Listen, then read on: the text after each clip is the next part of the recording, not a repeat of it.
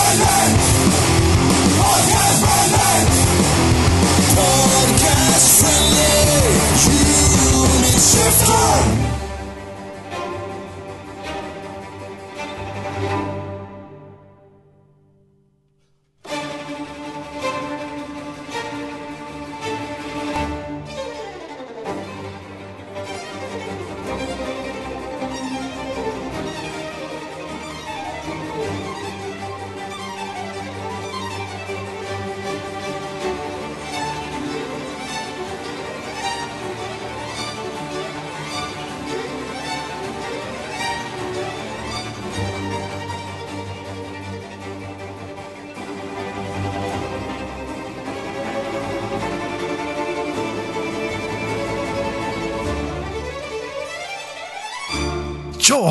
välkomna till presentationsavsnittet av mig, Daniel.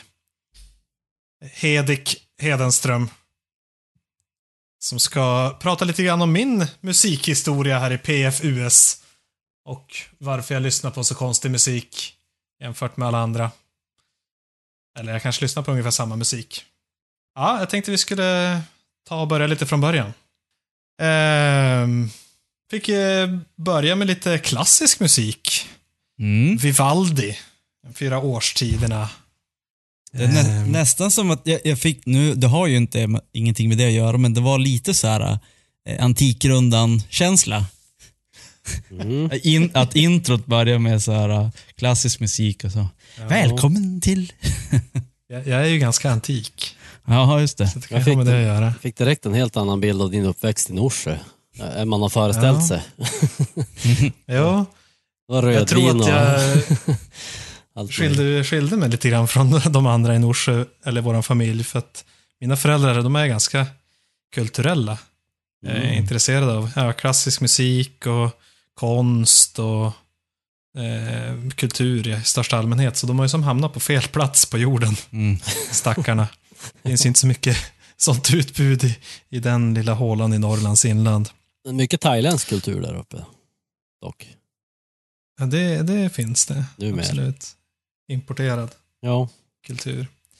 Ehm, nej, men så att jag, jag, var ju, jag var uppvuxen i verkligen en musikfamilj. Musiken var väldigt central när jag växte upp. Um, farsan är supermusikalisk. eh, mina bröder också väldigt musikaliska. Jag har två äldre bröder, vilket jag kommer att komma tillbaka till. Ehm, Jag tror det gick fel med dig då. Ja, det är väl det vi ska kunna få, få lista ut här under, under avsnittet. Det, ni får vara så här mina psykologer. Jag, har- Ja. jag har lagt mig ner på soffan nu och Ja. talar ut från hjärtat. Ja. Nej, men så att det var ju, var ju mycket klassisk musik eh, hemma på LP-spelaren när jag växte upp. Och det var som, ja, fram till en bit innan man gick på skolan så var det i princip allt jag hade som referens. Eh, och klassisk musik kan ju vara väldigt mycket olika saker.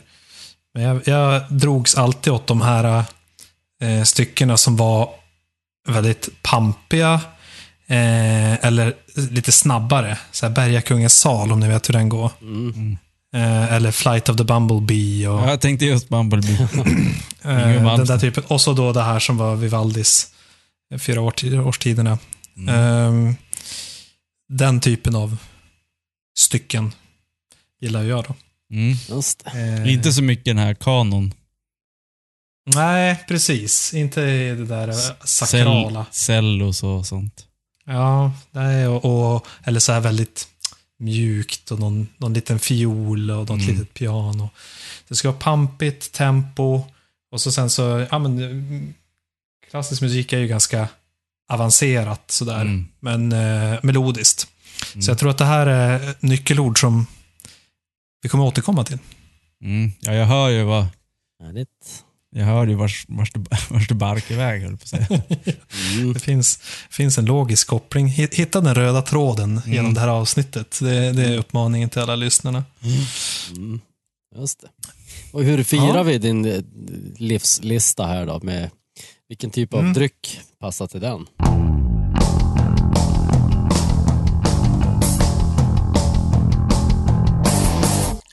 Jag kan ju börja berätta hur jag tänkte. Ja, Eh, Eftersom. Hedik även kallas för hednabock av vissa så slog jag, jag slog till med en dubbelbock idag. strålande. En rökig sådan, en eh, slängkärla fast med ekrökt malt istället för bokrökt. Så skulle det ge lite mjukare, finare ton. Och jag är ju igenom halva den redan nu, en halv liters flaska så att ja, Så att jag, jag kommer att kunna bli lite avbruten här. Det kan det bli för den Långa- är, den är på 8% också så att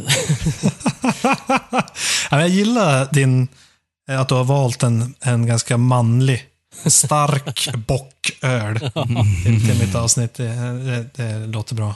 mm, Larni då? Eh, jag har ju valt någonting som passar dig. Sour Venge. Ja, Ballast Point. Mm. en sur... Sur? Surn. Eh, sur, surdamen. Eh, Mm. Blackberry Ale. Wench, visst är det det de kör i Game of Thrones jämt? Vad är det då? Sjöka eller något sånt? Sjöka ja. Ja, Ja. exakt. Eh, men eh, om man ser till färgen på den här ölen så ser den ju väldigt eh, lite lyxrödaktigt så här. Eh, så det är ju lite rödvinskänsla fast lite finare än rödvin. Eh, Blackberry Ale. Så kom igen Ja, ja, det är. Hamilton. det är strålande. Nu ska jag bara totalt såga alla illusioner om min, min tanke för det här avsnittet. Själv så dricker jag ur en, en aluminiumburk en Malibu Caribbean Rum with Coconut Liquor Strawberry Kiwi. Oj då. Vad hände? Och så sitter jag på min, min frus sminkbord och spelar in avsnittet. Ja, just det. Oj då. Spännande. Så nästa, Nej, men det- nästa låt blir en rosa helikopter då? Beaches. Det kan eh, bli så att det avslutas med att jag kommer ut i garderoben där avsnittet. Ja. ja, du sitter väl i din garderob? Ja, nästan. Nej, det är Inför- faktiskt bara ett gästrum. Ja, okej. Men det var nästan före detta garderob va? Hade inte fru Mm. en miljard kläder där? Jo, jo. Du hittade ju trosor här i förra avsnittet. Ja, exakt så.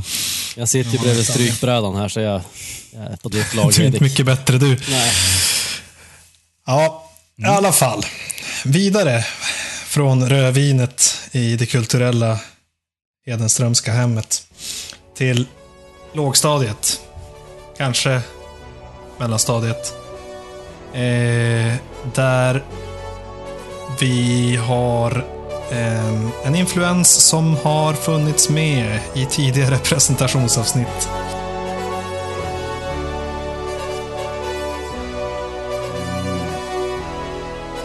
Där kom. Klassisk Där kom den. Det låter intro. väldigt bekant. Mm. Ja, jag vet ju att Europe var med i båda era avsnitt. Mm. Fast det var ingen som hade tagit Final Countdown. Ni hade ju valt lite mer spektakulära låtval. Jo, men så kom mainstream Hedik. Mainstream Hedik. Dubbelbocken. Och att det här kom också och, eh, det är tydligt att mina låtval är ganska mainstream utav de artisterna som, som det gäller. Ja, här är ju frågan då. Har någon koppling till det kulturella eh, Stravinsky. Nej, vad heter han? Stradivarius. Vivaldi. Vivaldi. Ehm, nej, men det här var ju som en liten frigörelse. Eh, fram tills eh, lågstadiet så hade jag ju som inga musikaliska influenser. Jag hade väl kanske Inga Ja, vänner, hopp. jag säga. pop som spelas på radio eller i skolan. Men det här var första gången som jag hittade något eget som inte var mina föräldrars musik. Och inte var klassiskt. Mhm. Så att eh, det här var ju som öppnas en helt ny värld. Rock'n'roll. Kill your Och, father, eh, fuck your mother. Nu, jäk, nu jäklar är Hedik ute på din egen kar. Jo, och så eh, långt lockigt hår. Och spandexbyxor. Mhm. Härligt. Nej, det var ju farligt. Och så eh, var, var okej, var det så tidningen hette? Mm. Med Ja, mycket, mycket affischer som man kunde jo, slänga upp på väggen. Ja. precis. Och Det var ju hårdvaluta de där affischerna. Ja. Mm. Eh, minns ni Shaboom? Ja. Ja, De var också bra. Jag, stod, jag kunde ha valt det lika gärna. ja just det. Men alltså de hade. De, hade väl in, de hade väl bara en skiva egentligen och typ Jo, två hittar va? Det var väl det, jo var, jag tror det. det, det kändes, det var väl nästan som en så här, äh, norsk kopia på Europe, eller? Ja, det känns ju som att de låg väldigt mycket i samma skola, fast de var väl lite mer st- ståhejiga, liksom partyrock. Ja, kanske. Medan Europe kändes lite mer seriösa. Jo, jag tror att Europe hade ju mer en så här äh, familjevänlig, eh, vad heter det, yta. Men de var ju party bakom. bakom. Mm. bakom fasaden. Och Lite mer Mm. business sådär. Städade.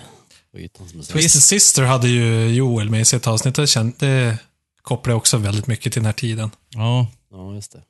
men det Så var, tidigt mellanstadie. det var ju som, alltså, de, de hade ju inte riktigt eh, hockeyfriller, men det var ju business in the front, party in the back ja. på den här Exakt. tiden. Ja. Jo. Ja, ja, tidigare. Eh, vad kan det här vara? 86 va? 80, nej, 88? Kanske. Ja, ja, vi kom väl fram till att det var 86 som ja, jag tror den här skivan kom 86. 86. Mm. Ja, ja, men det man måste tänka på här, genomgående, är ju att allting kom ju lite senare till Lilla Norsjö, uppe Ja, i jo. Västerbottens inland. Så att jag tror ju att det var nog närmare 87 eller 88 som jag Mm. lyssnade mycket på det här. Ja, och sen speciellt om du satt och lyssnade på eh, klassisk musik, då, då blir det också, alltså om det här var din, när du doppade stortån för första Mm. gången i, i rocksjön, så det är klart, då, då tar det också extra lång tid för att komma fram. Ja, men från Europe då, som ju är business in the front. Eh, och för ganska snälla eh, pojkar från, från Sverige. Så eh, gick jag ganska snabbt här upp under mellanstadiet över på lite, lite hårdare grejer. Mm. Jag hade ju, som jag nämnde här, två äldre bröder. Och som jag inspirerades mycket av. De, de formade nog ganska mycket av min musiksmak i den här åldern. De fick ju tag på så mycket coola grejer. Mm. Hade kassettband och skivor. Som de kom hem med från kompisar och annat. Vi kanske Så, måste ta in eh, dem som, en, som extra eh, eller expertkommentator på, på den här podden. Precis. Ja, det skulle vara intressant.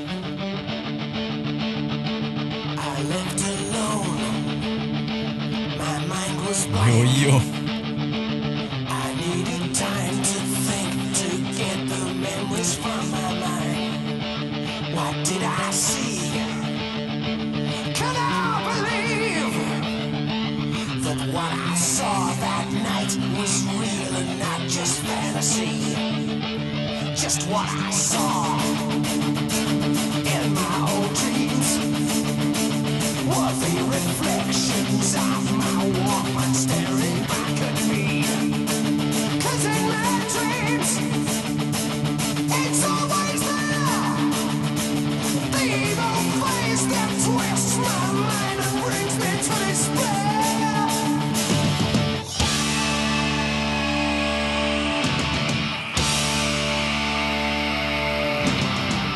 Så, uh, Iron Maiden, Number of the Beast. Oh yeah. Bra grejer. Mainstream Hedik, slå till igen. Mm, det, här, Ehm, det här är ju någonting när man börjar känna eh, Norsjöbor. Det är ju det här det, det som är det gemensamma. Ja, jo, i Norsjö var det ju väldigt eh, mycket hårdrock som gällde Mm. eh, i alla läger. Och sen, det här var väl i mellanstadiet som jag började lyssna på Iron Maiden, men det följde med mig under hela högstadietiden också. Och jag vet ju när morsan var liten så då pratade hon ju på ja, men det var Beatles eller Rolling Stones. Man, det var som två läger. På Norsjöskolan så var det Iron Maiden eller Metallica.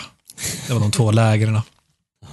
Det var inte tal om att lyssna på eh, så här, syntar eller hårdrockare. Nej. Det var bara olika typer av hårdrock. precis. Kan man, Att, eh, kan man så, så förstå. var det där. Mm. Och jag hörde ju då, ja, som ni förstår, då, till Iron Maiden-lägret. Yes. Som var lite av underdogs. Jaha, jo. Fler var, Metallica. var det så att, eh, för jag tänker att Metallica, om man ser på den tiden, så var det väl mer kanske mainstream då? Eller? Ja. Efter svarta skivan. ja, men de var ju större, precis. Ja.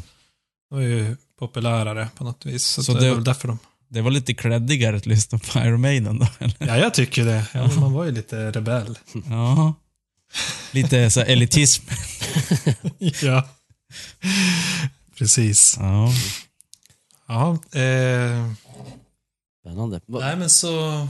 Jag vet inte vad man ska säga. Det var ju högstadietiden. Alltid ångestfylld tid för alla personer tror jag. Ja. Ja. Men här har du ju lite det här med, det här med vad heter eh, klassisk musik. Alltså Mm. gitarr som, gitarrer som spelar ganska fort och många toner, ungefär som den där som vi hörde där i början. Eh, många toner och, eh, och snabbt och sådär. Mm. Lite lek med Absolut. annat än, annat än riktigt så här rak fyrtakt kanske. Och lite... Mm. Mm. Nej, men det, jag tror, tror man kan se en ganska tydlig koppling, även om det finns väl kanske metalband som är, drar ännu mer åt det klassiska hållet än vad Iron Maiden gör. Så Jo, men det är väl en ganska bra... Det här, det här är ju som kanske en inkörsport till, ja, till Ja, men just lite mer avancerad. Men just det här med många toner och spela snabbt och så. mm. jo, men jag tror att det var mycket det snabba som jag Ja. gillar med Iron Maiden. Ja, men plus att de var ju förstås farliga. Men sen här har du ju bytt ut eh, rödvinet mot eh, en folköl. Livsblå. Precis. Mm. Fast även min alkoholdebut var ju ganska sen. Så jag tror nästan att jag hade slutat lyssna på Iron Maiden innan jag Ah, Okej. drack folköl för första gången. Ja. Jaha. Oj. Ja. Oj, Oj. vadå? När började ni dricka? När drack ni första gången? Det var på gymnasiet. Jag var också ganska sen. Jag, jag började typ två veckor innan jag fyllde 19 tror jag. Eller, Åh, fy nej, fan. nej, det var, ja, men typ i sista veckan på gymnasiet eller något sånt. Ja, det är riktigt sent. Ja. Alltså, Jag var nog ettan på gymnasiet, så 16 då. ja. Nej, jag, jag sparar mig länge. Mina föräldrar lyssnade på det här avsnittet. Ja. ja, men det var... För mig var det väl på gymnasiet någon gång. Man Ja. hade ju druckit, kanske druckit lite sprit innan, men alltså inte... ja, kanske lite sprit. men inte, alltså inte, inte något farligt. Nej men, nej, men inte festa. Så, man hade ju smakat på sprit. Ja, just det. Så här, typ smaka någon likör eller Ja. något. Ja, jag, jag och eh, Gösta var hemma hos en kompis som hette Andreas Karlsson. Andreas Karlsson hade, vi skulle se film. Jo, men jag var ju med då också. Fast, Ja, var du också med? fast man typ smakar ju en klunk och sen. Ja, okej, just Det var det. ju inget mer. Och Andreas Karlsson hade snott den och blandat massa sprit från hans föräldrars eh, spritskåp. Och så skulle vi smaka det där. Ja, det var inte så gott. Nej, Nej. han sprang ju själv ut och spydde på balkongen ja, efter, efter en klunk. Och det klassiska, Gös- Gösta han vägrade ju smaka. ja. Alltså ni kommer få fitta för det här. Det var det enda han sa. Vi fick inte fitta. Nej. Som att det skulle vara något negativt. Det tog många år innan man fick något sånt. Jag minns, minns Nicke när du kom, nu tar ett sidospår här, men när Nicke kom och berättade om att han hade börjat festa. Vi satt i Byskeskolans aula, skulle se någon sån här julshow eller något. Jag och, Ja, jag och du och Gösta. Så du bara, ja pojkar, jag har en bekännelse. Jag har gått över till den mörka sidan. Ja, det, det, det var nog eh, eh, den farliga Hedenström som drog mig in i spritens Ja, det skulle inte förvåna mig. Där. Jag skulle inte förvåna där. mig heller faktiskt. Jag tror att det var hemma hos Boman som första festerna var. Han hade flyttat, hade egen lägenhet från ettan. Mm. Så där kunde man ju vara och göra dåligheter. Men, men, Men vi kommer dit. Vi går men- lite före tiden här. Men vänta nu, när flyttar du till stan? Det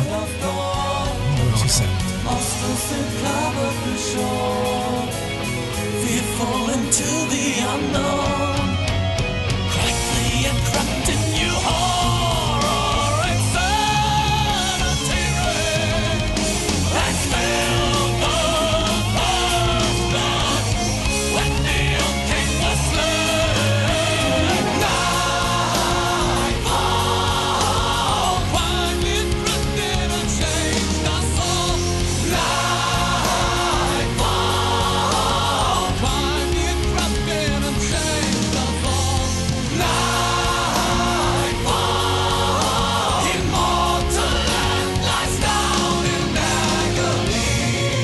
Där är ju då Blind Guardian Aha. med Nightfall. Ehm, det här, jag har bort vad skivan heter kanske. Någonting med eh, Middle Earth. Det är en temaskiva på Sagan om ringen. Mhm. Eh, som Blind Guardian har gjort. Då. Eh, power metal, tysk power metal. Klassiskt. Ehm, det här är väldigt nära förknippat för mig med eh, rollspelande. Spelade väldigt mycket rollspel under högstadietiden. Mm. Eh, med både mina bröder och deras gäng och med mina kompisar och i alla möjliga sammanhang. Mhm. Och det, den här musiken är väldigt tematiserad kring sådana delar. Det är svärd och drakar. Lyssnar ni på det här när ni Eh. spelar alltså? Eller? Mm, ja, det hände. Det som stämningsmusik så här. Ja, i, i alla fall om man spelar med brorsans gäng. Då var det mycket sånt här. Eh, I mitt gäng så var det lite delade meningar kring svärdmetal. Mm. Så att då, då hade vi lite mer så här ren stämningsmusik som var mer som filmmusik eller så. Det. Mm. Mm. När var det här ungefär då?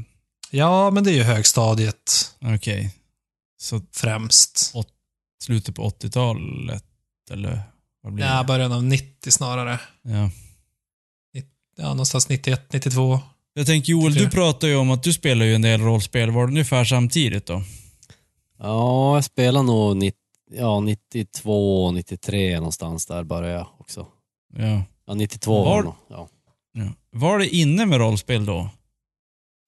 Det är så svårt att säga för att man var ju så ung så man hade ju som inte koll på omvärlden så mycket känns det som. Ja. Det var ju väldigt inne i Norsjö. men- Jag tror att det var ganska inne just i den perioden för att det kom rätt mycket spel just då. Och de här, vad heter de, äventyrsspel som senare blev böckerna, Target Games, eller de het. Ja. Drakar Ja, och demoner. Ja, precis. De, de gjorde mycket under den tiden där. Och var, det var väl som deras glansperiod. Så, att, Mm, så ja. att det var väldigt mycket just då. Och sen, Ja, Och jag det. tror att det återspeglas ju lite grann i populärkulturen nu, som vi var inne på. att De som nu är vuxna och gör film nu, de var ju unga samtidigt som oss. mm, Så det är ganska mycket eh, det. referenser till precis. ja, men, rollspelande. Och det är inte bara sådana som kom från Norsjö, regissörer från Norsjö, Nej. utan Nej. även från andra ställen. Eh, och jag vet ju även att Orvar Sävström och någon annan har ju skrivit en bok om rollspel. Som Två har böcker. Två böcker om de här MUTANT och med sven- mycket svenska. Precis. Ja, Finna dolda ting heter en. Mm. Okej. Mm. Klassiskt. Mycket bra. Men, men He- Hedenström, hade du läst, när du lyssnade på den här skivan, hade du läst eh, Saga om ringen-böckerna? Eller har du skivan Jo. före? Nej. Jag, första gången jag försökte läsa Sagan om ringen-böckerna så tror jag jag var nio år gammal. Oj. Då lyckas jag inte ta mig så långt. Jag kanske läste tre, en fjärdedel av första boken, men när jag insåg att det här är alldeles för svårt för mig. Strångt ändå Mm. att komma så långt. Jag tyckte bara, Ja, nej, men jag var Introt. väldigt tidig. den här prologen när de... Nej, jag minns, jag kanske, kanske som jag minns det, jag kanske kom fem sidor, jag vet inte. Mm. Men eh, eh, jag, jag lyckas inte i alla fall. Men sen, vid det här laget när jag gick i högstadiet så hade jag säkert läst igenom åtminstone två gånger. Mm. Oj, Alla böcker. Du var hooked. Ja, Ja, men jag var väldigt hooked på all fantasy. Inte Ja. bara Sagan om ringen. Det var Belgarion, det var en serie, bokserie som jag tyckte var väldigt bra. Mm. Och andra. Sådär. Men eh, en till referens då, Joel. Eh, Mm. Hade du läst Saga om ringen också vid den här tiden? Jag började nog läsa Sagan om ringen i åttan någonstans efter jag hade provat spela rollspel. Men det, jag, jag spelade ju, första rollspelen jag körde var ju några andra, det var inte fantasy. Det var ju typ kult och sådana här skräckspel och sånt. Mhm. Så att det, var, det var ju senare man började spela Sagan om ringen och sådana. Men när läste du Sagan om ringen då, Nicke? det, det, var ju, det var ju jag gammal. Eh, bodde vi, Innan filmerna skulle vi komma. Ja, när kom filmerna började spelas in 99 släpptes kanske 2001, 2003. Så att jag, Ja, något sånt. 2000 Ja, läste jag. Ja. Jag tyckte det var så töntigt med massa drakar och sånt där. Men sen när filmerna kom så bara, äh, nu måste jag läsa dem. Ja. ja, det, Sämsta man kan göra också, läsa boken precis innan filmen. Nej, men det var Då bra. har man alla detaljer klar för sig och så sen inser man att nej, men filmen följer inte exakt. Nej. Så blir vansinnig. Nej, fast jag har ju lite intelligens. Så att jag blir inte... Jag, blir, jag är ju som ingen stickler, stickler när det kom till att det ska vara exakt som i boken för att man Nej, först- okej. du, man, en bok och en film är två helt olika sätt att Ja, berätta det är en historia. så Smart. att- Mm. Du var smart, för jag vet att jag läste om dem precis då också. Mm. Och var jätteupprörd över att allt var så fel. Okej. Annat i den där eran så var det ju Halloween, Manowar, Running Wild, Gamma Ray. Ursäkta, jag kräktes lite i munnen just. Ja, jag förstår. När du pratade om Manowar. Mm. jag var tvungen att ta upp det. Visst är det. Ja, Ja. men Halloween, Halloween gillar jag ju. Det var ju Är Keeper of the Seven Keys och de här. Mm, bra grejer. Mm. Mm. Ehm, mot slutet av eh, högstadiet, då är vi framme vid 93, ska jag säga. Då kom musik som vände upp och ner på allt. Oj, oj, oj. Hittills har vi ju följt en ganska tydlig linje Mm. eh, i, i musiken. Men här vä- blir det en 180 graders vändning Mm. som min gode vän Tobias eh, framförallt påverkade. Två år äldre. Eh, hade lite andra nya influenser på musik som jag aldrig hade hört förut. Oj, oj, oj. Nu blir det spännande. Ja.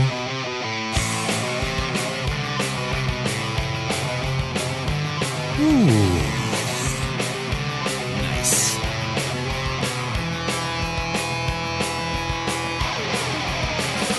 Det var jobbigt för mig, att måste välja bort de här från min lista faktiskt. Det är en av de tyngsta.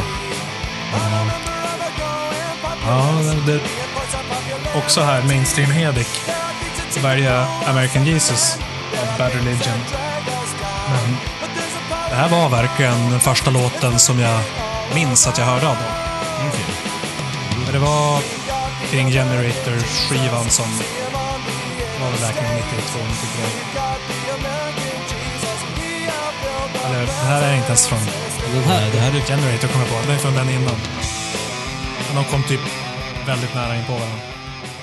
Eh, är det här från Against the Grain nej. och Generator? De, de var väl typ... Eh, Recipe for Hate. just det. Så Generator kom 92 och Recipe for Hate 93. Mm. Så att jag tror att jag hörde de där två skivorna typ, ja men ihop. Jag tror att Ja, det, det. var 93 när jag hörde de här första gången och sen så hade då Tobbe båda de skivorna. Ja. Minns att Det det, här var ju riktigt så här äh, när man började åka snowboard. Som jag gjorde i åttan också tror jag att jag gjorde det.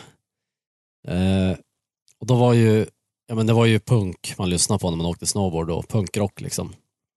Och även, Mm. ja men det var ju svensk typ DLK och sånt där äh, som alla lyssnade på. Ja, Just det. det var det som gällde liksom. Och Bad Religion är nog de, det band som jag har starkast egentligen koppling just till snowboardåkningen.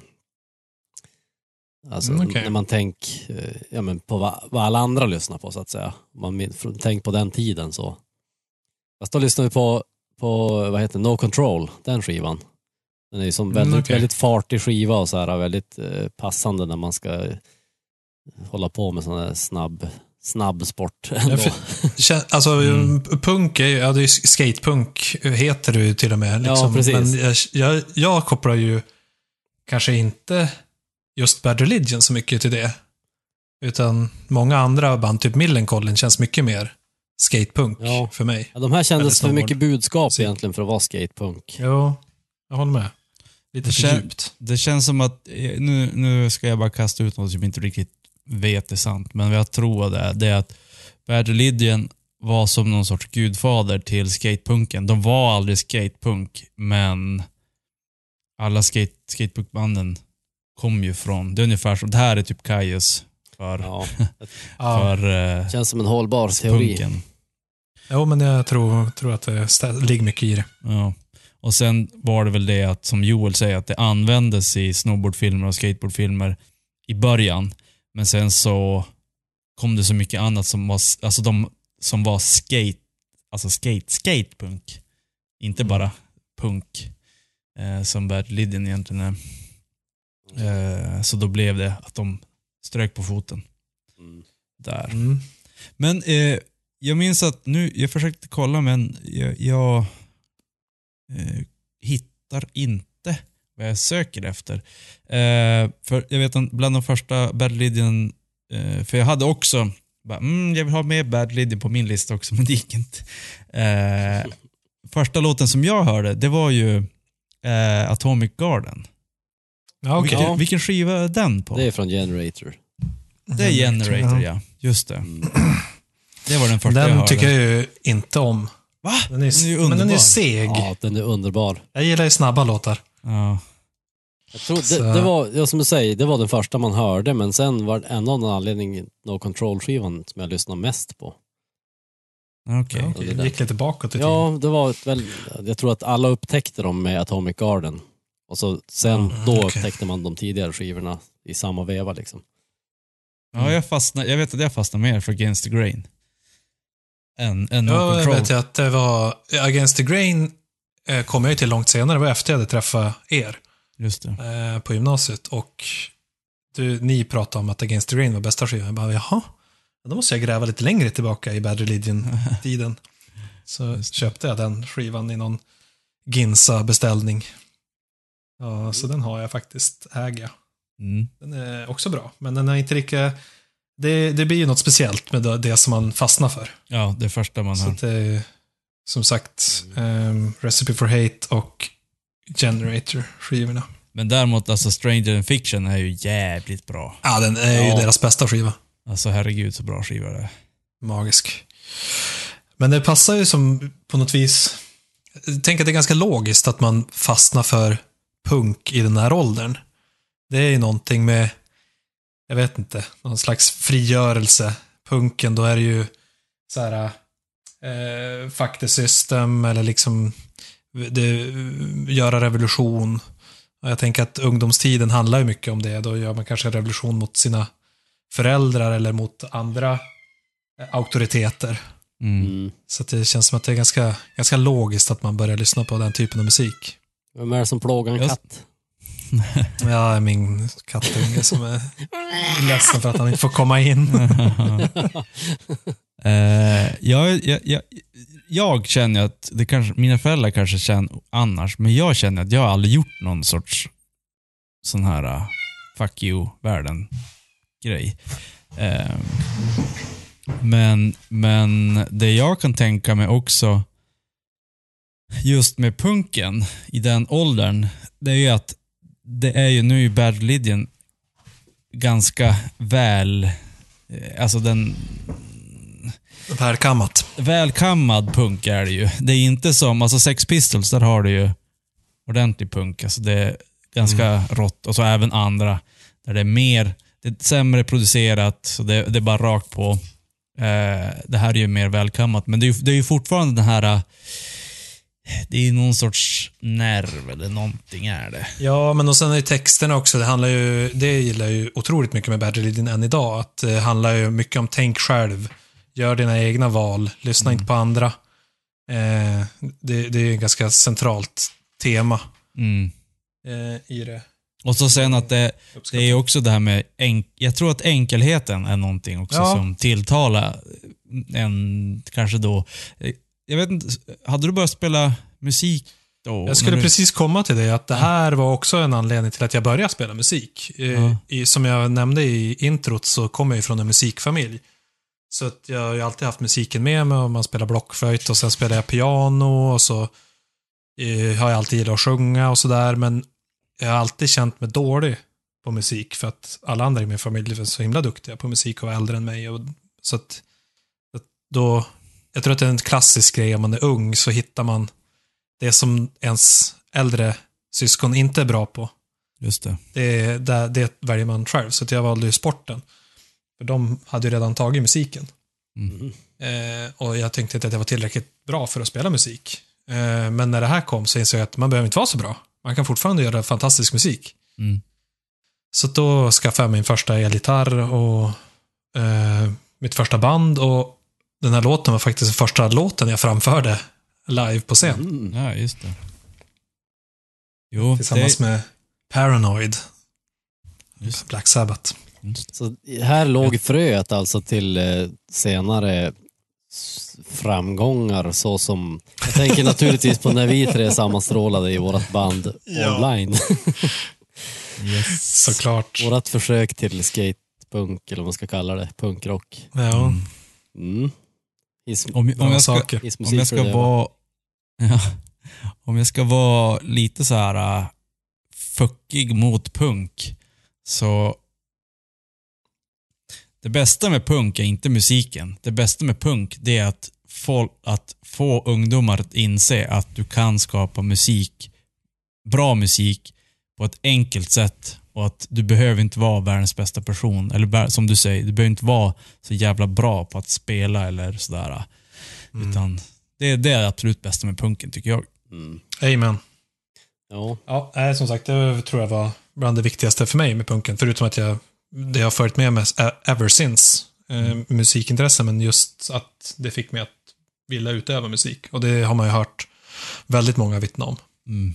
Så det är bra grejer. du menar Nicke att, att Eh. punken är nästan som musikens tidiga version av dogmarock då? det är så här avskalat och liksom Exakt. opretentiöst. Mm. Finns det, Alla ska kunna framföra det. finns det någon motsvaren, eh, motsvarighet i liksom ja, övrig konst och så här? Typ om man ska måla, är det så här naivismen då eller är det Jackson Pollock med sitt kasta färg på duken eller? Ja, kanske. Jag tänker mer att här, man börjar med sånt, börjar man med att teckna med blyerts. Ja, ja klart det är lite... Ja, jag kan för lite om konst. Eh, Jag, jag jobbar som på Kalix kommun i, jag är i Kalix. Och ibland så ids jag som inte jobba. Och då lyssnar jag på podcast. Ja, visst. Podcast.se med K. När jag kom i kontakt med Nicke och Joel, då uppstod kärlek och musik. Så jag var inne på eh, fantastiska bandet, bandet All Blind. Eh, men också mycket nya influenser. Eh, vi, jag hade ju då med mig Bad Religion eh, och lite andra Millencolin. skatepunk. Millencolin till exempel, tror jag. Och Nicke var väl ja, lite Nirvana och lite andra. Jag vet inte vad du hade innan, men liknande Mm. musik. Där vi fick mycket utbyte och upptäckte mycket nytt tillsammans. Och jag vet inte vem av oss som upptäckte det här nästa bandet först, men det är i alla fall från den skiva som jag lyssnat på flest gånger i hela mitt liv av all musik någonsin.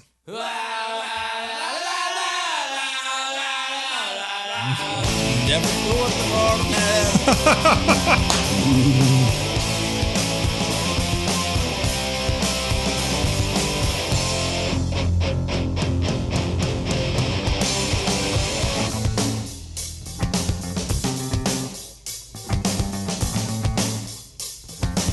Det var så bra. Det var länge sedan jag lyssnade på den. Så jävla mycket nostalgi. Jag, tänkte precis säga samma sak. Jag lyssnar man inte så ofta på längre. Så det blir väldigt mycket nostalgi.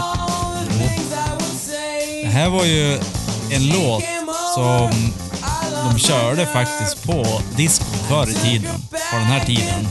Ja, Man kunde gå till DJn och säga Hallå, spela, spela Smells Like eller spela Offspring.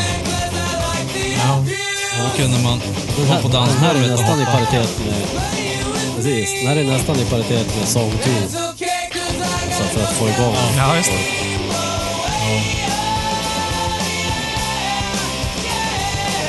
Är bra att hoppa till låt. De har stått på många dansgolv och hoppa jämfota.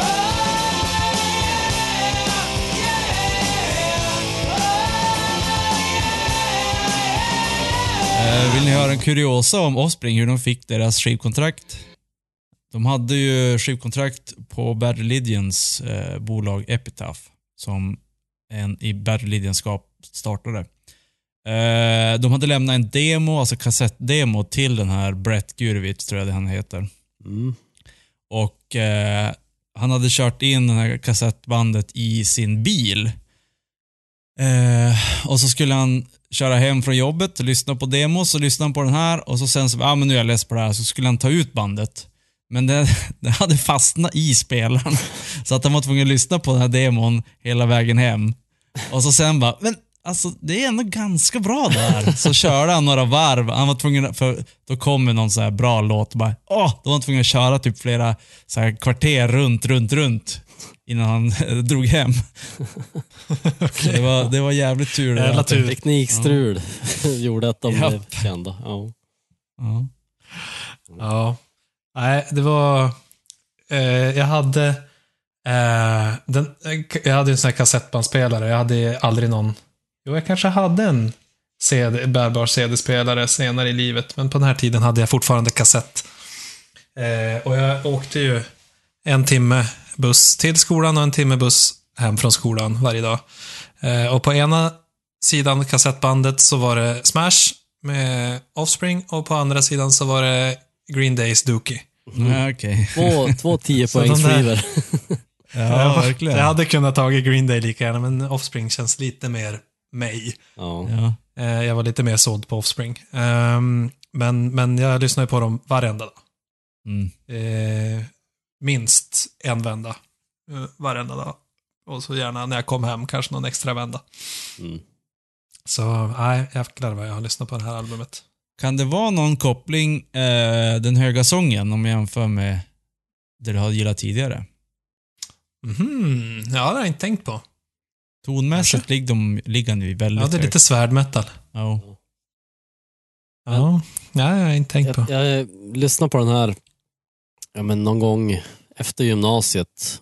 Eh, jag samåkte med någon gubbe till när vi gick, eh, vad heter eh, heter det? Falernia, jag och Nicke. Alltså Mm. yrkesutbildningstjosan. Eh, Ja, efter gymnasiet då, eller? Ja, precis. Och så pratade jag pratade med han som körde då. Och han var lite äldre. Han bara, ja men jag, jag gillar ju Offspring också så här. Eh, för att, ja men det jag gillar mest med dem det är att sångaren, han, låt, han är så bra på att sjunga höga toner utan att låta ansträngd. Sa den här killen och jag bara, jag bara mm, mm, just det. Så här. Och jag tänkte så här, men han låter väl mest ansträngd av typ alla man Ja. får man anta sina höga Det är, toner. ju- jag tycker att det är som hela grejen med hans sång. Det är att han tar Ja, i exakt. Att han dör. Ja. Men jag, vet, jag, jag har tänkt på det där många gånger under åren. Tänkt så här, undrar om han, ja, men det var hans humor, att han skämtade sådär. Fast han, han, var ju, han var ju stenallvarlig när han sa det. Ja, Det kanske är ett så här skämt som man tar, han bara, ah, jag är lurande jävel. ja, det, ja men det Skämt. kanske var så. Mm. Ja. Men generellt sett så känns det som att på gymnasiet så, jag vet inte, man är rätt formbar. Och musiken hade en jävligt stor, eller jag tror man hittar som sin grej. Eh, som man samlas kring och får en, sin tillhörighet i. Och där känns det som att musiken var våran grej. Mm. Ja, det, ja, jag har alltid tänkt att gymnasiet är ju där, där du, där du killar din farsa och knullar din mamma. Det är ju där du, du blir dig själv. Hög, Mm. Högstadiet, där är du fortfarande... eh, Du bor hemma och du åker hem varje dag och sådär. Men på gymnasiet så, ofta så åker du lite längre bort också, så du kanske är... Eh, och, och det är mycket mer folk och du blandas mer med personer som du aldrig har träffat. Eh, Mm. Man tvingas lite grann bli vuxen på ett sätt, eller Ja. vuxnare. Ja. och du får ju mer ansvar med läxor och sådär. och- Fast du Mm. bodde ju fortfarande hemma Nicke, så jag vill inte gå in på det här vad du gjorde med din mamma, men eh, det var en lite Ja. obehaglig underton. Ja, det känns inte som att väldigt mycket cirkulerar eh, i vårat liv kring musiken Ja, absolut. i gymnasiet. Jo, det var ju... Alltså herregud vad skivor jag köpte på, Jo, på gymnasiet. Mm. jag tycker att var, var och varannan rast satt man och bläddrade i de där postorderkatalogerna. Ja. Eller drog ut på stan och lyssnade på musik på musikaffären. Mm. Det var det man gjorde när man, varje gång man väntade på bussen gick man ju och bläddrade i CD-skivorna på typ Åhléns eller värsta det var. Jag Jo. tror faktiskt, det här, jag har ju... Jag, jag kom in i CD, som jag var inne på, att jag, jag lyssnade på kassett fortfarande på den här tiden. Så att jag hade ju som... Och kassett köpte man ju egentligen nästan aldrig.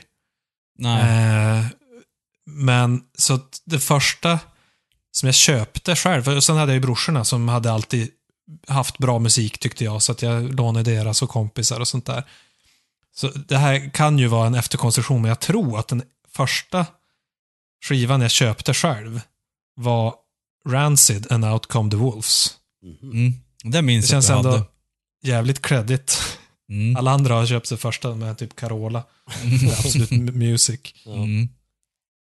Eh, kom och krossa med en av de bästa punkalbumen genom tiderna. Och Mm. det absolut bästa eh, bassolot som någonsin har gjorts på någon låt ever. Oj, oj. Mm. Bara, bara det är värt priset av den här skivan. ba, bassolot på första låten. Jag är inte basist, men... Precis. mycket, mycket bra. Men eh, jag tror faktiskt, ni, ni hade ju båda med Nirvana på er eh, vad heter det, lista där. Och, Mm. eh, min, min relation till Nirvana, eh, jag har kanske hintat om det tidigare, men den är ju helt annorlunda. Eh, när det kom i högstadiet och de slog igenom med Smells Like och det, så tyckte jag att de var jättetöntiga Mm. och, och jättedåligt. Mhm. Eh, och bara säga, ah, det är bara så här, trendigt att lyssna på dem, men det är egentligen bara något skrän och dåligt, för då lyssnar jag ju på svärdmetal som var Ah, superproducerat och, och välspelat och sådär. Så tyckte jag att det där var ju bara något skrammel. Mm. Så jag vet att jag höll på att håna typ de som lyssnar på Nirvana. eh, och sen så eh, när jag kom till gymnasiet och träffade er och man bara, jaha, ja men de kanske inte är så himla dåliga ändå. Och då hade ju också Unplugged-skivan kommit som var lite mer lättillgänglig. Och så hade väl jag också börjat lyssna på lite skramligare typ Rancid och Mm. sådär. No effects och sådana. Så att då var jag, var jag redo att ta emot Nirvana i mitt liv. Mm, just det. Efter Kurtan hade dött. Mm. Så att, eh, ja, det där får jag ingen cred på. Nej, det är verkligen Det inte. är lite AA det här. Ja, Eller verkligen. AN. Anonyma Nirvana-fans. Mm. Fast det är ju Det det. oanonyma, så det är ju o, ON då. Ja, just det. Mm. Ja, Mm. nej men så, som sagt, vi hade ju ett band som spelade musik inspirerat av det här. Bad Religion och Offspring Green Day. Mm. på den tiden. Kul. Ehm, men eh, allt roligt tar ett slut. Så även detta. Eh, efter gymnasiet kastades jag in i ett svart hål i min musikhistoria. Ett svart hål. Mm. Min, min, skäms, min skämsperiod i livet. Oj. Eh, jag hade ju en, en flickvän, min första flickvän, på den tiden, som jag lät påverka och jag lyssnade på lite för mycket tror jag. Oj, oj, oj. Mm. Men du lärde, du, du lärde henne se Star Wars, visst var det så? Det, är gott. det är mycket, mycket Gott möjligt. gör inte. Var det inte hon som bara, som hade, hon gillade R2D2? Jo, jag tror det. Ja, Du hon det, köpte ju till och med bekant. någon liten grej. Eller var det så du kallade han? R2D2. Det kanske var Liten och knubbig. Men charmig. Ja. Och med, med ett pipande Ja. ljud. Så sprutade han olja. Mm. Just det. Ja, visa hologram. Men eh, så på universitetet här så då, ja, då eh, kom jag bort från god smak. Hur kunde det låta? Nej, men det här det är faktiskt inte så illa, men eh, lite annorlunda.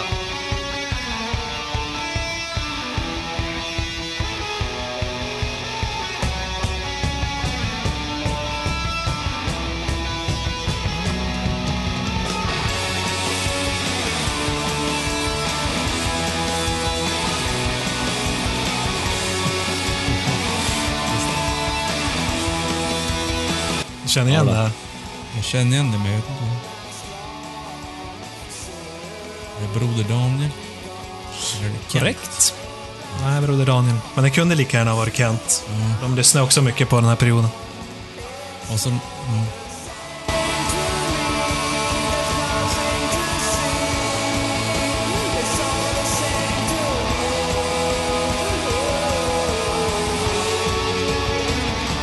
De har ju faktiskt en bra låt. Tycker alla deras låtar låter likadana. Shoreline.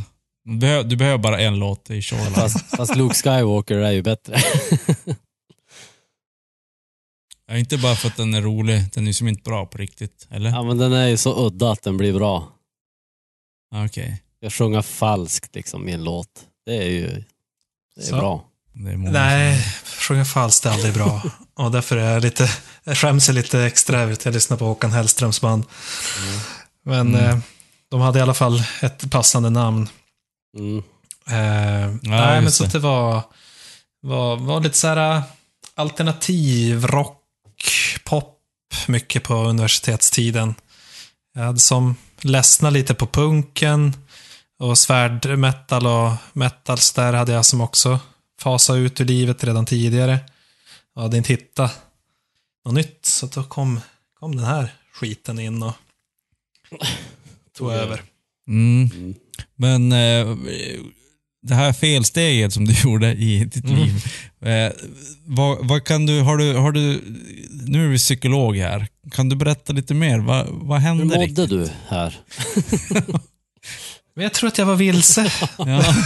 Nej, men som sagt, dels så hade jag ju min, min, min tjej som lyssnar mycket på sånt här, speciellt Kent. Eh, mycket Smashing Pumpkins. Och det här var, vilket det förvisso här var, inte bara är dåligt. Och det här var din första, alltså riktiga tjej. Jo, Ja. första. Så det var Så, kärlekens... kärleken Taggar. förblindar. Ja, just det. Precis. Nej, men och sen så... Jag vet inte, då... Vi bröt ju upp med vårt band som vi hade och Mm. influenserna därifrån kom in i ett helt nytt sammanhang, flyttade till en ny stad, till Umeå. Mm. Ehm, jag vet inte. Hade nog, hade dåligt med musikreferenser. Jag hade inte så mycket kompisar där som var så musikintresserade som jag hade haft innan. Eh, både i Norsjö och Skellefteå. Eh, så att då blev det annat. Det blev mer och mer data, mindre och mindre musik. Söp och spela dataspel, det var ungefär det. Och så ja, fick musiken stå tillbaka lite grann. just det. Ehm, Ja, då blir det så här. Då, då kan det bli så här. Ja, tokigt. Ett, ett varningens ord till er ungdomar. Jag håller ju med dig Hedik i att det här är ju, eh, det är ju en skämskudde om man, om man jämför med din övriga lista. Men eh, jag har ju aldrig heller lyssnat på de här. Men jag jobbar ju just nu med en person som håller de här som nästan högst på musikhimlen. Som faktiskt, han är ju musiker själv också. Och jag vet inte, Okej. när man hör något sånt, då, då tvingas man ju omvärdera. Alltså, eller omvärdera, men man, man tvingas ju att tänka efter. Så att, eh, Ja, då kan man inte bara avfärda det som att ja, det här förstår ju alla är dåligt. ja men jag, jag, jag tänker, jag, har, Mm. jag ger ju han också lite dispens eftersom han var ju ung när han lyssnade på det här. Men Mm. det är ändå som svårt att acceptera att en, han är ju en duktig musiker dessutom. Och en, Ja, mig, ändå att han håller håll de här så högt. Alltså jag, jag, måste bland, jag måste ursäkta det med att det var en stark känsla inblandat. Ja, kan, jo, men så kan det vara. Men, alltså, för mig är det ju så att när jag hör det här så blir det ju väldigt mycket nostalgi. Mm. Eftersom det är från skämsperioden så är det ju inget jag tar upp så ofta längre.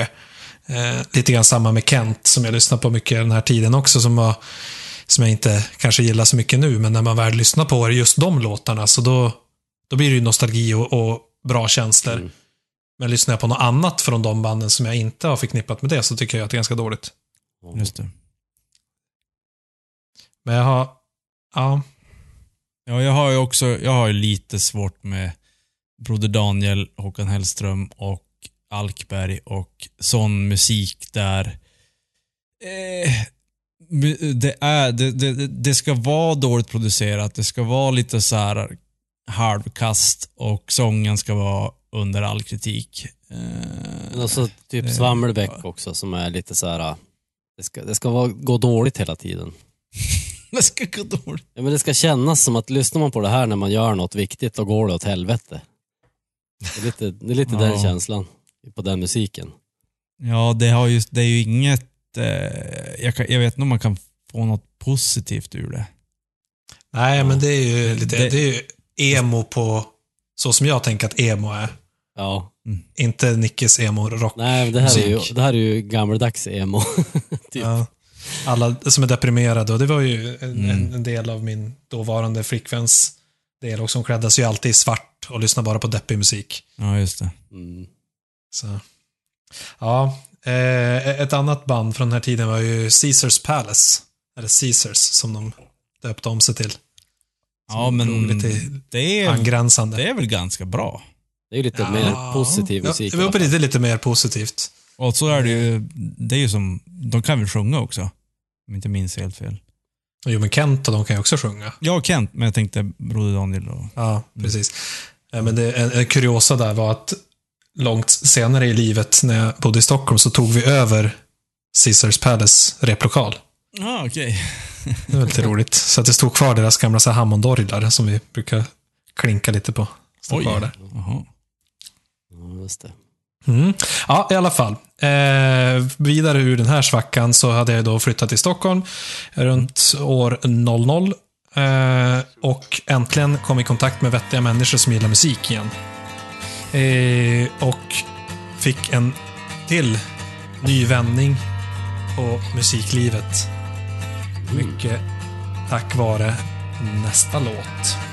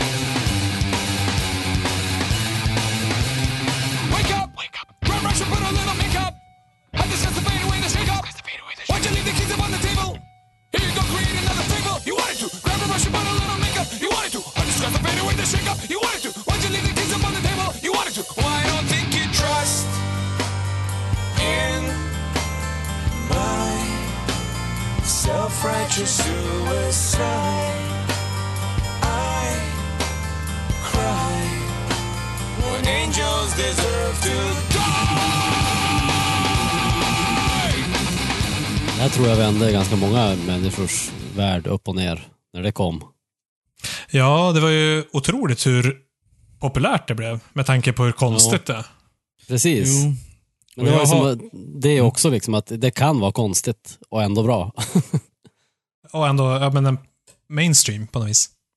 Ja, det är verkligen så jävla udda också. Jo. Mm. Ack så fint och bra. Och Det är det som var eh, tilltalande med det här, att det är så skruvat och det är så mycket på en gång. Det är argt, det är roligt, det är eh, avancerat, men det är punkigt, rockigt, metal och bara och lite så här folkmusik, det är så här armenisk folkmusik som jag också, Mm. sådana lite Mm. toner här och där som jag alltid har gillat. Mm. Nej, det var en, också så här som ögonöppnare. Bara kan musik ens låta så här? Jo, eh, jag, jag hade ju lite svårt med de här. Och det var just för att jag, jag har väldiga problem med, med rolig musik. Musik där musiken är rolig, det gillar jag inte. Eller musik där texten är rolig och texten är det som är musiken. Alltså inte att om du har, om du har en bra låt med, med en rolig text, det, det gör inte så mycket. Men typ när, du, när den här att fång trumpeterna som skjuter i damernas trosor. typ sån musik. Björn, Björn Rosenström alltså. ja, det, då, får, då, får jag, då får jag ont i hjärnan. Och det var det, det, det som jag, problem, alltså jag gillar ju eh, System of Down, det är, det är så bra, men jag tyckte att det blev musik, men nu kom det så här, det här var ju, då var man lite yngre. Få, ja. eh, människor, som inte lyssnar på rock börjar lyssna på de här. Jag bara, men fuck you. Du lyssnar inte på rock, du ska inte lyssna på det här. Du lyssnar på det här för att du tycker att det är rolig musik. Eh, du, tyck, du lyssnar inte på det här på grund av att du tycker att det är bra musik. Det är bara, mm, eh, det är roligt, då blir jag sur. Och då, Mm, då, blev, då blev det någon så här anti för mig. Ja, jag tycker det var intressant att på 00-talet här, tidigt 00-tal, så blev ju rock väldigt, väldigt inne. Det var, var ju, spelas ju i radio och alla lyssnar på rock. Mm. Och jag vet många som reagerar precis som du Nicke, som tyckte att det där var ju horribelt. Eh, nu var det plötsligt inte exklusivt. Det var inte för oss outsiders, utan Mm. Även det, jocksen lyssnar på rock. ja, och det, det är dumt. Det, Ja, men, men och jag, så, jag, jag skrev faktiskt aldrig under på det. Jag tyckte bara att det var superpositivt att jag äntligen liksom kunde få ta del av så mycket bra musik utan att behöva slita ihjäl mig för att leta upp det. mm. Men eh, det är saker man får lära sig i livet. Man ska inte vara så... Sen så Så. har jag ju en del, en del som jag tyckte var bra på den här tiden har ju sen tyvärr blivit jävligt dåliga. Så att, Alltså, du, menar att banden har blivit sämre och sämre Ja. och sämre?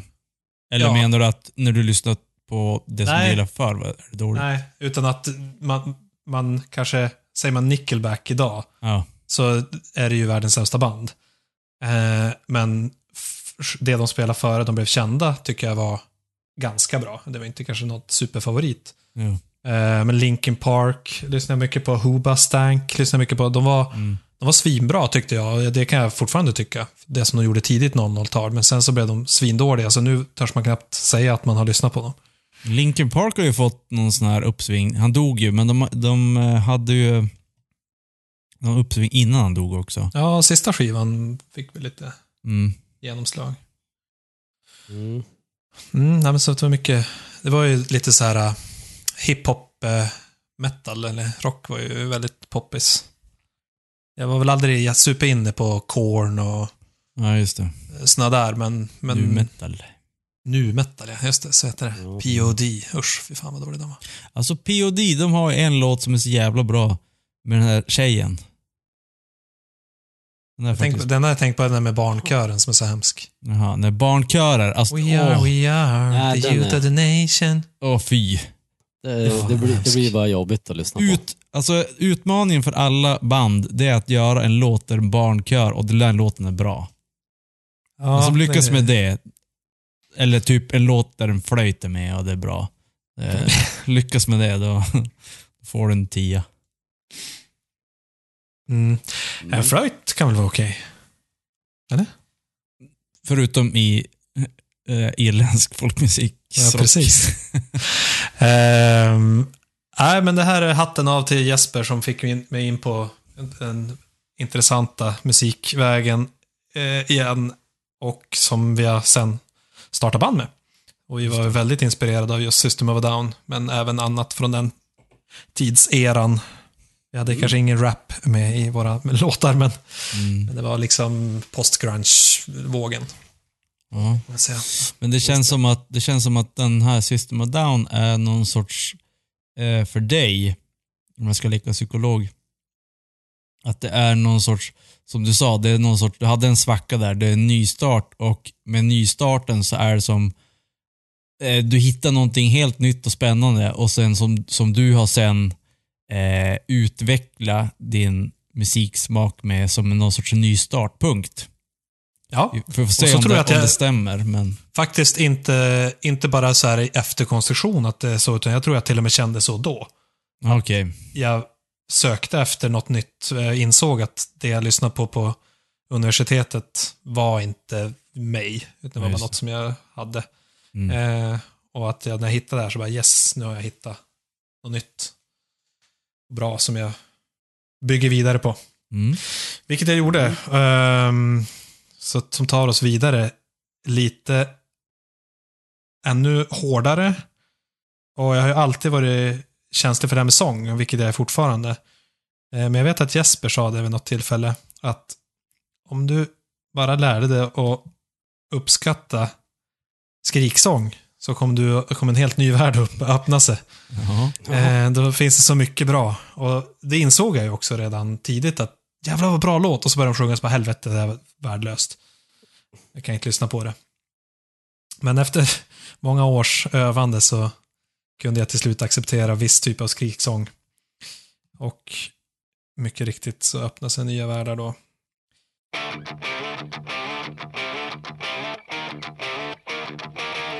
Åh, oh, nu börjar det rycka känner jag.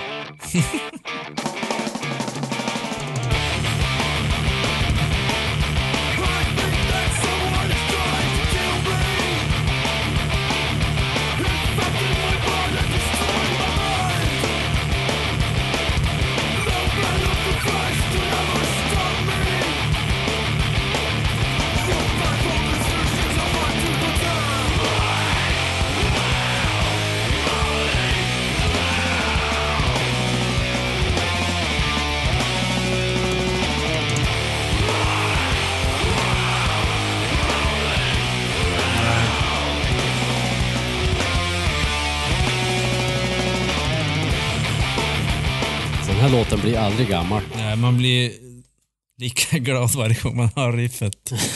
ja, verkligen. Mastodon, Blood and Thunder. Ja, nej, jag håller med. Det här är deras höjdpunkt. Eller ja, under den här tiden så gjorde de jävligt mycket bra. Sen så har de väl gått ner sig lite grann på senare år, men...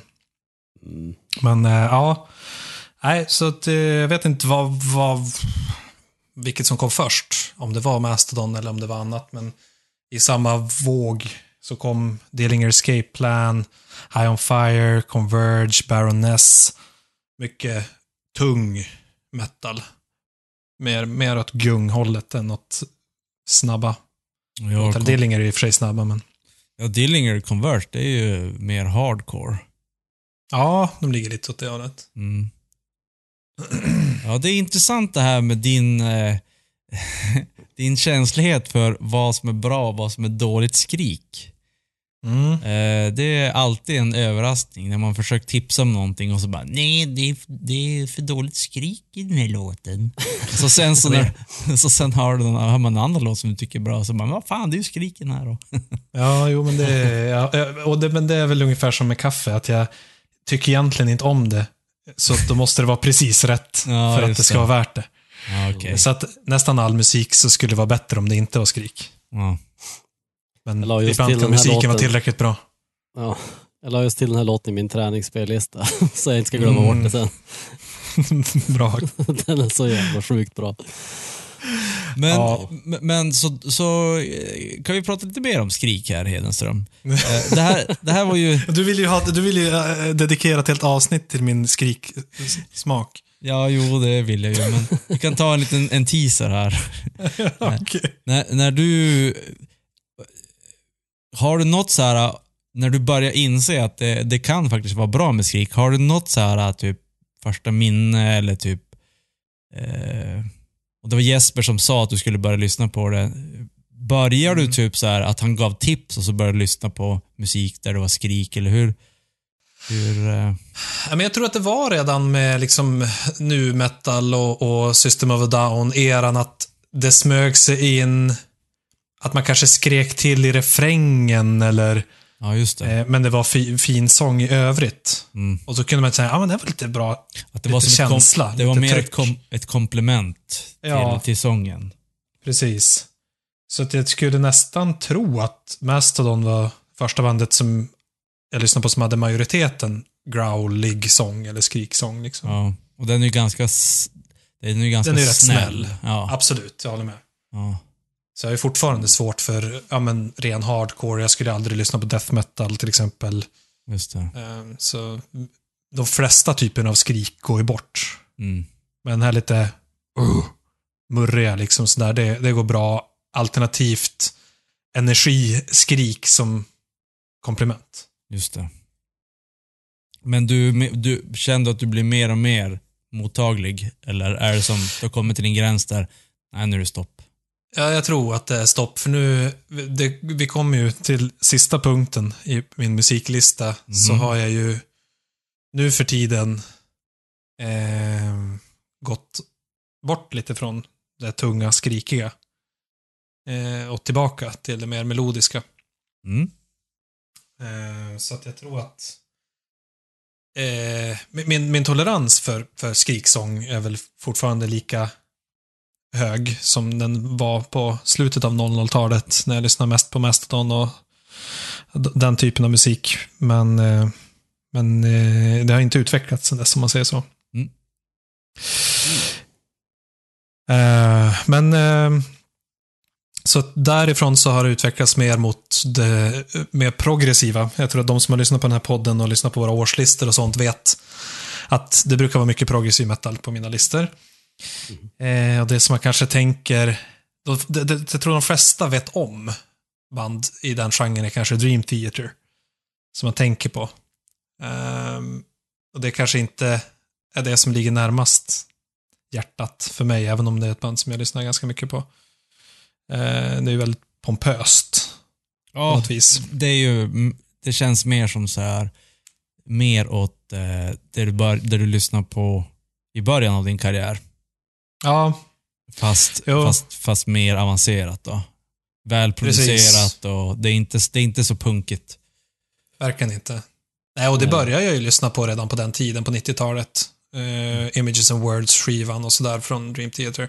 Brors, mina brorsor lyssnar på det och sådär, så de har funnits där lite mer, men sen så är det väl nu på senaste tio åren eller något som jag har hittat tillbaka till den musikstilen och kanske insett storheten i att det inte bara är ett annat eh, power metal-band, utan att det är mycket mer avancerat Mm.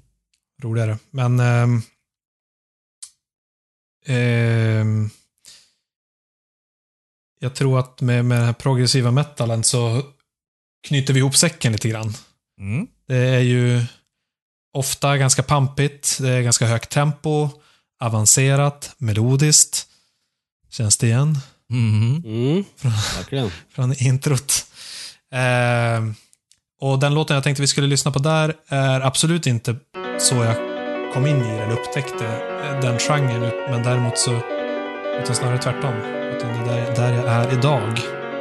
Eh, men den tycker jag representerar det jag lyssnar på väldigt, väldigt bra och knyter ihop säcken väldigt bra med där vi började.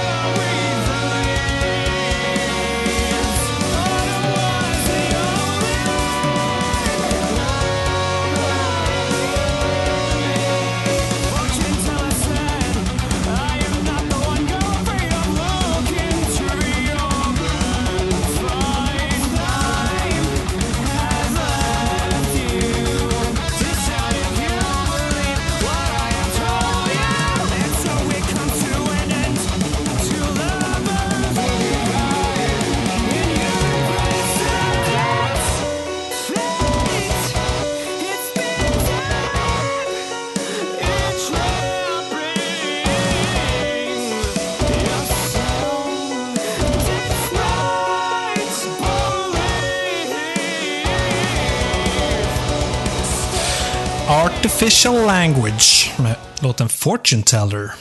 Oj. Eh. Artificial Language var ju eh, etta på min 2017 års lista. Ja, jag tyckte jag spelade kände upp igen en den. annan låt. Ja. Den här är en annan låt från den skivan. Mm. Ehm, så det är ju från i fjol, helt enkelt. Eh, är jag ute och cyklar? Är det här då som de du sitter och twittrar med dagarna i ända? Jo, precis. Som jag twittrar med. Just det. Ja, ja exakt. Mm. Eh, mm. Fick ju goda, god respons i, eh, i, i årslistan. Förvånansvärt nog. All min musik brukar ju sågas. Jag har inte hunnit lyssna på mer. Jag har ju lyssnat igenom din lista. Och, eh, men jag ska Såga allt på, utom det här. men jag ska lyssna mer på den här, för det är mm, intressant. Mm. Kul. Nej, men som sagt, det, det, det blir ju... Känns ju lite klassisk musik blandat med metal och lite punkigt och lite av allt jag har med mig i bagaget. Mm. Och sen tycker jag rösten, sångarens röst, är som ja, men näst, lite en blandning mellan Dexter Holland och eh, vad heter han, System of a Down och även någon metal-sångare. Mm. Sådär. Alltså det, det är som en bra röst för dig tror jag. Det passar, passar din smak. Det är som en, en meltdown av alla röster du gillar. Mm. Ja, det ligger något i det. De, när de hette eh, Art by Numbers, som de hette innan, så eh, vart de ju av med sångaren. De gjorde bara en platta och så slutade sångaren. och jag tror trummisen också. Så det var så här, "Ha", och så skulle de göra något nytt. Och jag bara, nej, nu kommer de ta in en ny sångare. Det kommer bli helt dåligt, de kommer ha skrik och skit. Mm. Så jag var så jäkla glad när de kom in och så hade de en ännu bättre sångare. Ja, nej men så att eh, det är det här jag lyssnar på nu för tiden. Eh, Opet, eh, Protest the Hero, andra mindre band, Hacken, Leprous. Och. Protest, Protest the Hero är väl faktiskt något som jag har presenterat för dig. Det är inte alls omöjligt, för det är ju lite mer också åt... Eh, ja, nu kommer jag på bort vad det heter. Ja, men det är ju mer åt... De är ju med i punk, hardcore, emo-svängen. Hardcore, just det. Precis. Mm. Men jävligt... Har du hört något på senaste tiden från dem? Nej, det var ett tag sedan jag lyssnade på dem. De är bara konstiga nu. Ja, det kan jag Det är tänka bara spattigt. Mm. All over the place. Det är liksom inga melodier kvar knappt. Ja, okej. ja. Det är lite Eh, too much. Mm, ja men sådär. Mm. Eh, med den här listan så ska jag säga att du ska få presenter sen. Varför då? Därför att eh, de här artificial language, heter de så? Mm. De påminner så sjukt mycket om några band som jag lyssnar på. Oh. Eh, så att eh, jag ska göra en, kanske slänga ihop en spellista Kul. med lite så här tips som påminner. Alltså sångaren påminner om, eller allting påminner om flera olika band. Väldigt mycket, men det är inte metal utan det är mer åt annan håll. Men det är typ likadan musik nästan. Mm. Du ska inte Ja, gå men på det där intressant. enkla Hedik, för rätt vad det är då sitter och lyssnar på gråtrunk-emo som Nicke. Jag, Jag tror inte att jag kommer gilla det. Jag gillar nästan inget som Nicke tipsade om. Men jag ska ge honom en chans. Jag ska Ja. inte döma på förhand. Nej. Bara för att allt han tidigare, tidigare har tipsat om har varit värdelöst så behöver det inte betyda att nästa Nej, nej, nej. Jag tipsar om många Protest Hero. Ja, till exempel. Ja, det är bra. Denna pot är producerat av Lady Snow Society. Besok ladisnote.com för mer bra shit. Vad säger vi om den röda tråden då? Den röda tråden, ja. Jag tycker den var Eh, ganska uppenbar. jo. Det, är ju, det går ju som en, en cirkel. Eller inte cirkel, det går som en... Börja, den börjar lite så här rödvinigt. Och så sen ner i folkölen. Sen upp i starköl och sprit. Och sen nu, är vi, nu är vi, istället för att det är rödvin så är det avancerad eh, IPA med, eh, eller suröl. typ så. Ja. Själv tycker jag att det, jag, jag blev för, själv ganska förvånad när jag började, tänkte jag skulle börja med klassisk musik och börja lyssna på det. Och tänkte så insåg jag att hur mycket det har, eller om, antingen är det en slump eller så har det påverkat mig väldigt mycket i musikval sen. Att man, jag kan ta igen så himla mycket från det klassiska i allt jag lyssnar på nästan. Det är väl punken som kanske ligger längst ifrån, men eh, men det var, ja, det var en liten ögonöppnare för mig själv faktiskt när jag satte ihop det. Mm. Men sen Jo. så är jag, det är två saker som jag känner alltid varit superviktiga för mig när jag har valt musik. Ett är eh, tempo eller energi och det andra är melo melodiskt. Och Det tycker jag genomgår nästan allt jag lyssnar på också. Mm. Så har ni tips som är melodiska och snabba, skicka hit. Skicka hit. Ja. Gå in på podcast.se. Med K. Yes. Precis. Skriv in era tips. Mm. Eller twittra till, twittra till artificial language så kan de tipsa sen Hedik. Mm. Eller skriva Twittra. låtar som passar han bättre. Ännu bättre. Snabel av finkosmos på Twitter. Ja, härligt. Ja, men, eh, då får väl tacka för mig. Då vet ni vem jag är. Då är det bara Tobbe vi ska lära känna. Ja. Äntligen vet vi vem du är. Skönt. Vi, vi har undrat länge. Länge och väl. ja. Jag, och jag, jag kom inte ut ur garderoben i det här avsnittet tyvärr. Trots min Strawberry Kiwi Malibu Rum Drink. Har du tömt den nu? Ja, men den var ju hur liten som helst. Den tömde jag ju andra låten. ja Oj då. Shit. 20 centiliter. I de tidigare avsnitten så har vi börjat med döden, men i det här avsnittet så ska vi avsluta med döden. Två stycken gitarrister har dött. Fast Eddie och The Little God. Vem är bäst? Jag vet inte vilken någon av dem är. Nej, jag vet inte heller. Det behöver ni inte veta. Men jag tycker att fasta Eddie var bäst. Ja, Ja, han lät bättre faktiskt. ja det, det jag håller med. Det är faktiskt originalgitarristen från eh, Motorhead. Den sista Mhm. personen i originalet som dog. Oj då. The Little God, det var eh, baby metal-gitarristen. Mhm. Little guy. Little guy. Länge leve Eddie. Länge leve Hedik. Hedik och Eddie. Hjärta.